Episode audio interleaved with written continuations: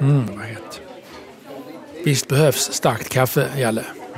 Starkt kaffe är aldrig fel. Ja, men någon ja. gång kan det väl kanske hetsa upp en lite väl alltså. Tror du inte?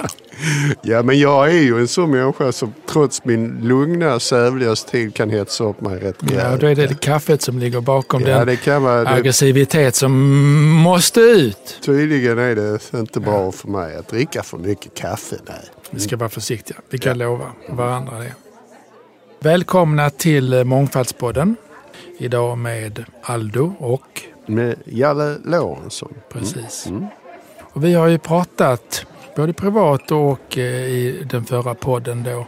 Och jag har det fortfarande i mig, det här vägen, blockflöjt, vill spela trumma och så hamnar du i uh, munspelets mm. demoniska mm. garn. Ja.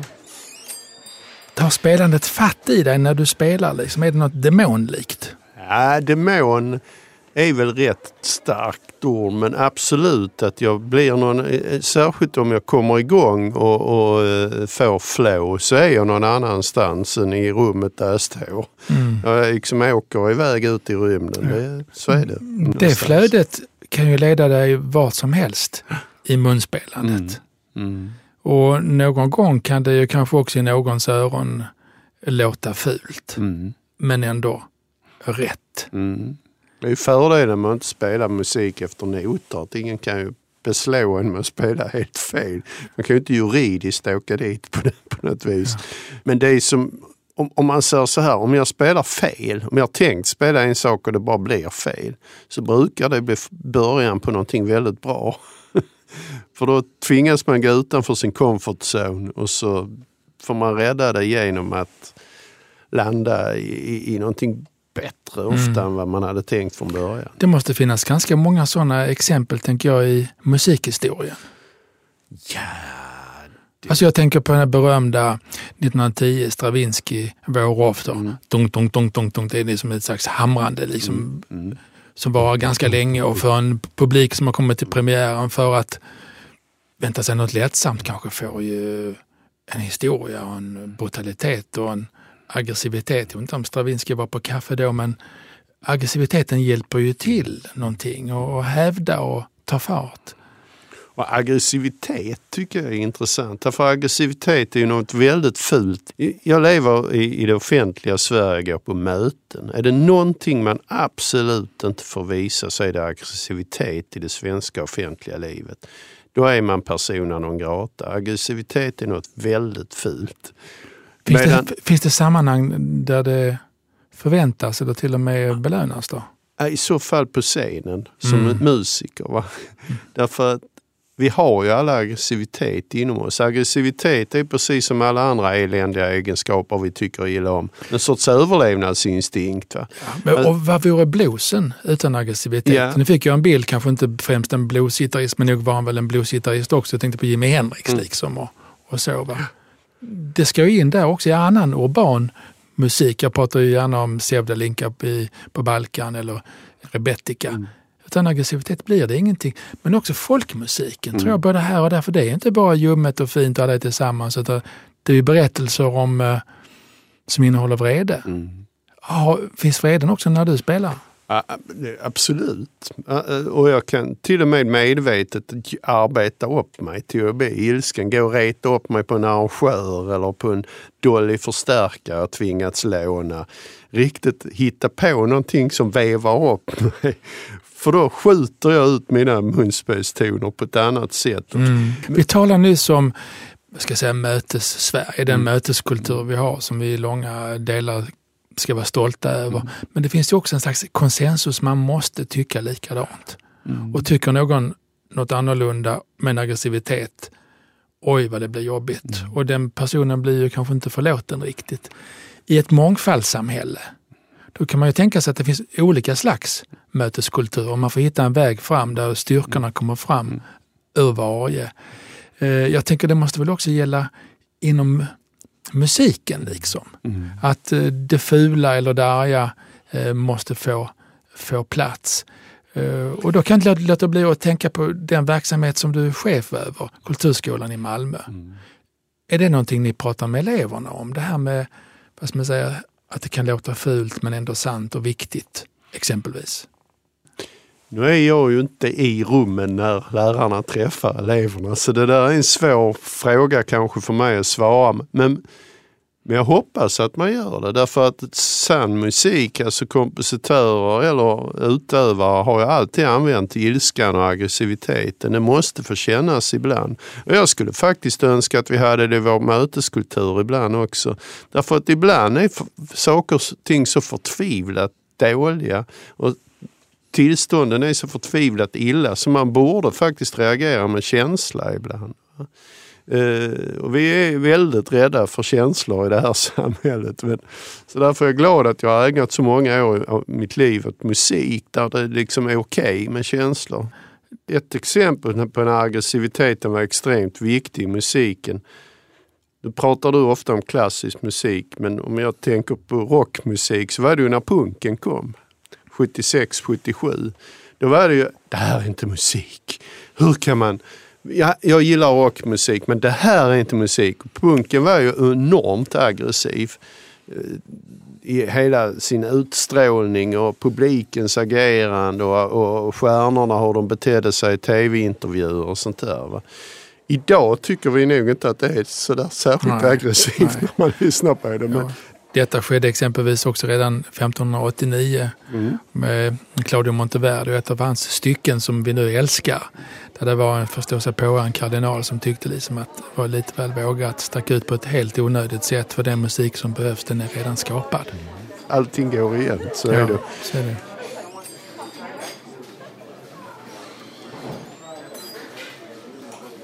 Men det uttrycket, apropå blues, mm kvarter i Chicago till exempel, arbetslöshet. Hamnen i Pireus, arbetslöshet, kriminalitet. Sevdalinkan motsvarande. Mycket av ungdoms populärkultur, det är ju i ett utanförskap. Mm. Och ibland så klipps vingarna och så passar det lite bättre in på mm. institutionerna. Hur skulle du beskriva den relationen mellan det etablerade, lite enfaldiga kanske tycker jag, och den där mångfalden som inte vet vad det ska ta vägen riktigt. Finns det ett utestängande? Jag tycker till exempel, det finns ett program i, Sveriges Radio som har gått nu i 30 år som heter Soul Corner. Med Mats Nileskär. Som är så extremt nyfiket på vad som händer i utmarkerna. Mm. Där sådana som vi inte ens känner till vad som händer. Han rör sig i, i New Mexicos, eh, eller säger Mexico Citys utkanter. Ja. Vi talar om Mats Nileskär. Ja. Och du och Mats Nileskär har ju haft en hit ja. tillsammans. Ja. Men det var hit och hit. Jag tror vi hade en låt tillsammans. Ja. Jag talade med honom häromdagen och han tyckte jag skulle påminna dig om det. Okej, okay, ja. ja, jag visste inte detta. Det var inte min mening med att försöka lansera vår singel från 90-talet. Utan men jag tycker han är en pionjär och jag vet när de stora svenska stjärnorna ska bli intervjuade av honom så är de så nervösa för de har suttit som 14-15 år och dyrkat hans radioprogram. Där tycker jag att så länge vi är nyfikna, så länge vi letar och, och inte bara nöjer oss med våra vanliga gamla skivor, så kan det alltid uppstå någonting mellan det nya som kommer och mellan institutionerna. Så länge Varför får det då så svårt att komma in där? Jag tänker exempelvis på, för några år sedan så var jag i Birmingham och, eh, och jag var ordförande för Musik i Syd. Vi tittade just på mångfaldsfrågor, Birmingham symfoniorkester nya konserthus och de la ner massor av tid och kraft på att komma i kontakt i relation med de många med pakistanskt indiskt ursprung i femmiljonerstaden Birmingham. Där eh, redan idag tror jag majoriteten är icke-vita. Hur ska vi få de här nya medborgarna intresserade av den repertoar som finns i Konserthuset. Varför ska de vilja betala för den om fem år? Ja du, eh, jag jobbar faktiskt med sånt. Eh, mm. Vi gör det genom att vi möter barnen. Och när barn spelar så finns det inte en förälder som inte vill vara närvarande. Och vi, våra spelningar nu för tiden gör vi ibland ihop med Malmö symfoniorkester och barnen i Malmö konserthus. Och då, det tror jag är en väg in. Va? Eh, en av mina medarbetare på Öppen Skåne, projektledare Rebecca Liljan som är rabbin från Chicago, är väldigt mycket i New York.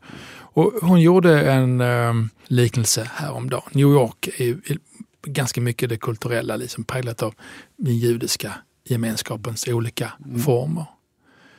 Och hon tänker sig en, en, en, en förändring av Malmö exempelvis om 25 år. Att då är det en så stor medelklass med ursprung i eh, Mellanöstern som också naturligtvis är med och, med och finansierar och vill känna sig välkommen i konserthus och så. Som jag sa, va? om 20-25 år så är det de barnen som spelar idag hos oss som kan vara den medelklassen. Jag, jag pratar om något som heter kulturell allemansrätt. Att Bach, Beethoven och Brahms, de tillhör alla. De tillhör inte bara en borgen medelklass utan det är någonting för alla. Och den musiken jag pratar om, Beethoven, Bach, Brahms, den kan vi nog lita på. Den har hållit i några hundra år. Mm. Den håller. Mm. det, det, det, är ingen, ja. det är ingen fluga bara. Men jag tänker så här också, ni klarar ju inte den här ansträngningen själva. Att skapa en plattform, gemensam känsla och ett gemensamt ansvarstagande för konstmusik, populärmusik, vad som nu liksom känns angeläget för uh, svensken. Liksom.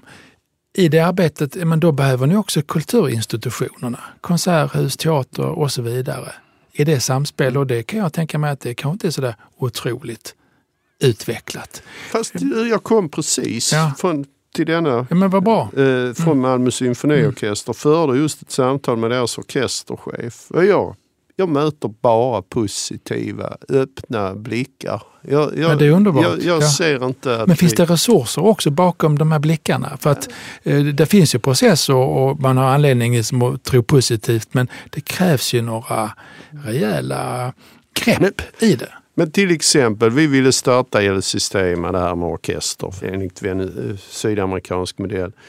Och som ett första steg ville jag att symfoniorkestern skulle åka ut till eh, Bellevue sporthall ute vid eh, Kroksbäck och Holma. Den ligger inte i Bellevue utan den ligger i Kroksbäck och Holma. Kan ni inte komma ut och spela där för barnen? Alltså det var bara, ja men det är klart vi kan. Det var inga problem.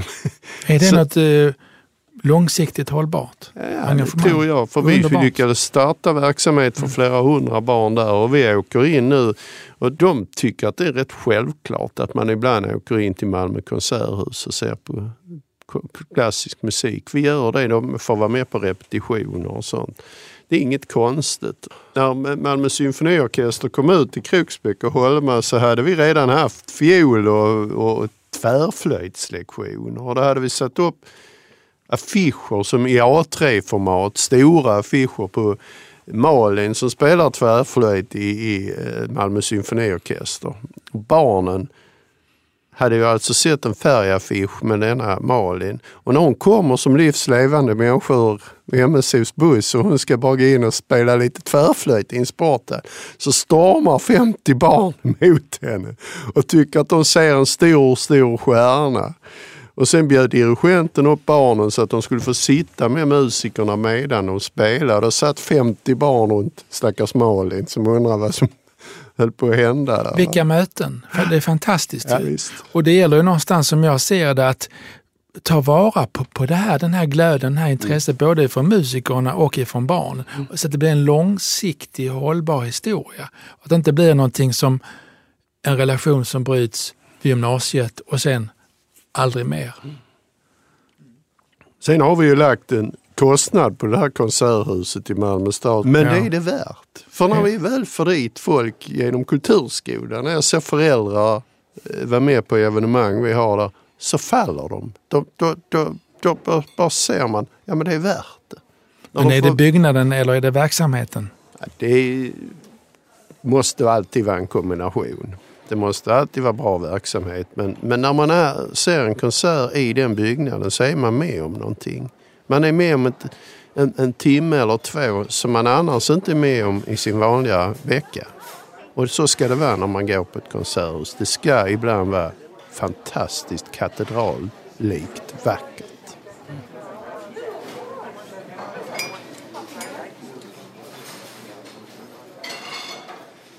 Ja, vi har ju nämnt några platser. Eh, bluesen har ju då Chicago som en av sina ursprungsorter, om jag får kalla det för det. Eh, Pireus eh, Aten, Aten när det handlar om rebetika-musik som också är en urban folklig musik och Sevdalinka i Sarajevo, Bosnien. Det här är tre exempel på mötesplatser. Genom tid och rum. Den judiska musiken från Spanien betyder mycket tror jag för Sevdalinka och olika orientaliska strömningar i Pireus. Och naturligtvis finns det både västerländsk och afrikansk musik i, i bluesen. Jag misstänker att det är något gemensamt i miljön som gör detta. Det är ju så sant. Och Jamaica och Kingston med, med, som hade orkesterskola, klassisk orkesterskola där man skulle spela klassiska blåsverk med trombon och bariton, tuba och så vidare. Och, och, sen så eh, eh uppstod reggae därifrån. Va? Det är blandningen. Det är blandningen, ger, ja. ja. Och det är väl två saker. Ett är ju då förutsättningen att de här olika kulturerna och människorna träffas. Öppenheten hos personen. Men det måste också finnas någon typ av struktur, eh, samhällelig kropp som öppnar upp och säger åh det här eh, är viktigt för oss eller vi kan tjäna pengar på det eller vad det nu kan vara för någonting. Så det är öppenhet både från samhälle och från person. Kreta ligger ju mitt i Medelhavet mellan ja. alla. Och just under en period så stängde alla länder in sig i nationalism och att man, det är vår religion som gäller. Det är det här man ska tro på. Om det var islam eller om det var kristendom, ortodox kristna och katolska. Men Kreta hade liksom inte riktigt råd med det där. Så de sa, men här får alla vara. Här får alla trivas. Ni får lov att tro på vad ni vill. Var blomstrar handel? Var blomstrar konst? Var blomstrar idéer och vetenskap? Jo, på Kreta. Då tänker jag på Venedig som, var, som härskade över Kreta under lång tid. Och Venedig är, ju och var också en sån här mötesplats med fantastisk musik, inte minst för mig eh, som jag ser det, som jag älskar barock och olika eh, kompositörer just för Venedig. Stravinsky för övrigt som är en rysk kompositör, är begravd också av mycket stort värde i sina verk. Den här miljön, öppenheten och kompetensen naturligtvis hos de enskilda personerna och samhällets mm. intresse och öppenhet spelar ju roll där. Uh, har vi den i Sverige? Jag tror och hoppas att vi ska ha den i Malmö. Malmö tror jag kan vara det nya Kreta. När jag tänker efter så var jag på Malmö Live och såg Ali Alvash som är en Sveriges bästa udd-spelare. Udd är ju arabisk luta. Och han körde igång en boogie på, en boogie på udd och han körde countrymusik och han blandade hej vilt och hej. Senast ja. jag såg honom på Malmö Live. Så att, eh, det är ett fantastiskt eh, exempel. Mm. Och eh, också med våra invandrade musiker och försöker bygga olika broar till eh, vad ska man säga, den musikkultur som vi känner till här. Va? Eh, jag kan ju känna ett behov av att det är bra att de här musikerna öppnar upp naturligtvis. Men jag skulle önska också att det var bra om institutionerna öppnade upp. Vilket musikaliskt språk. Hur kan vi få med hjärtat som är så viktigt i vårt sätt att spela. Och de eh, diskussionerna tror jag finns. Va? Men eh, nog har det gjorts både en och två och ganska många utredningar som ju visar att det är ett glapp i kontakten mellan den mångfald av kultur som bubblar och den som finns innanför eh, murarna. Den, den stora mångfalden av kultur görs kanske inte på instrument som udd och så. Utan den stora mångfalden av kultur görs med garageband, tangentbord och en dator idag. Det har jag haft fakt faktiskt som en idé att inte i årets Malmöfestival men nästa år så ska det vara någon sorts hemmainspelningsfestival. Du vet som bandet går på 70-talet när folk fick skicka in hemgjorda inspelningar och så gick det. Och det mesta var ju eländet. Men det var alltid några guldkorn per år. Det låter löftesrikt, ja. Jalle. Därmed så tackar vi för denna gång och eh, kaffet är uppdrucket och vi är klara nu. Tack ska du ha. Tack ska du ha. Vi ses igen. Ha det bra. Du har hört Mångfaldspodden med Aldo Iskra och Jalle Lorentzon. Dagens avsnitt gjordes av Open Skåne och spelades in på Umami Produktion i Malmö.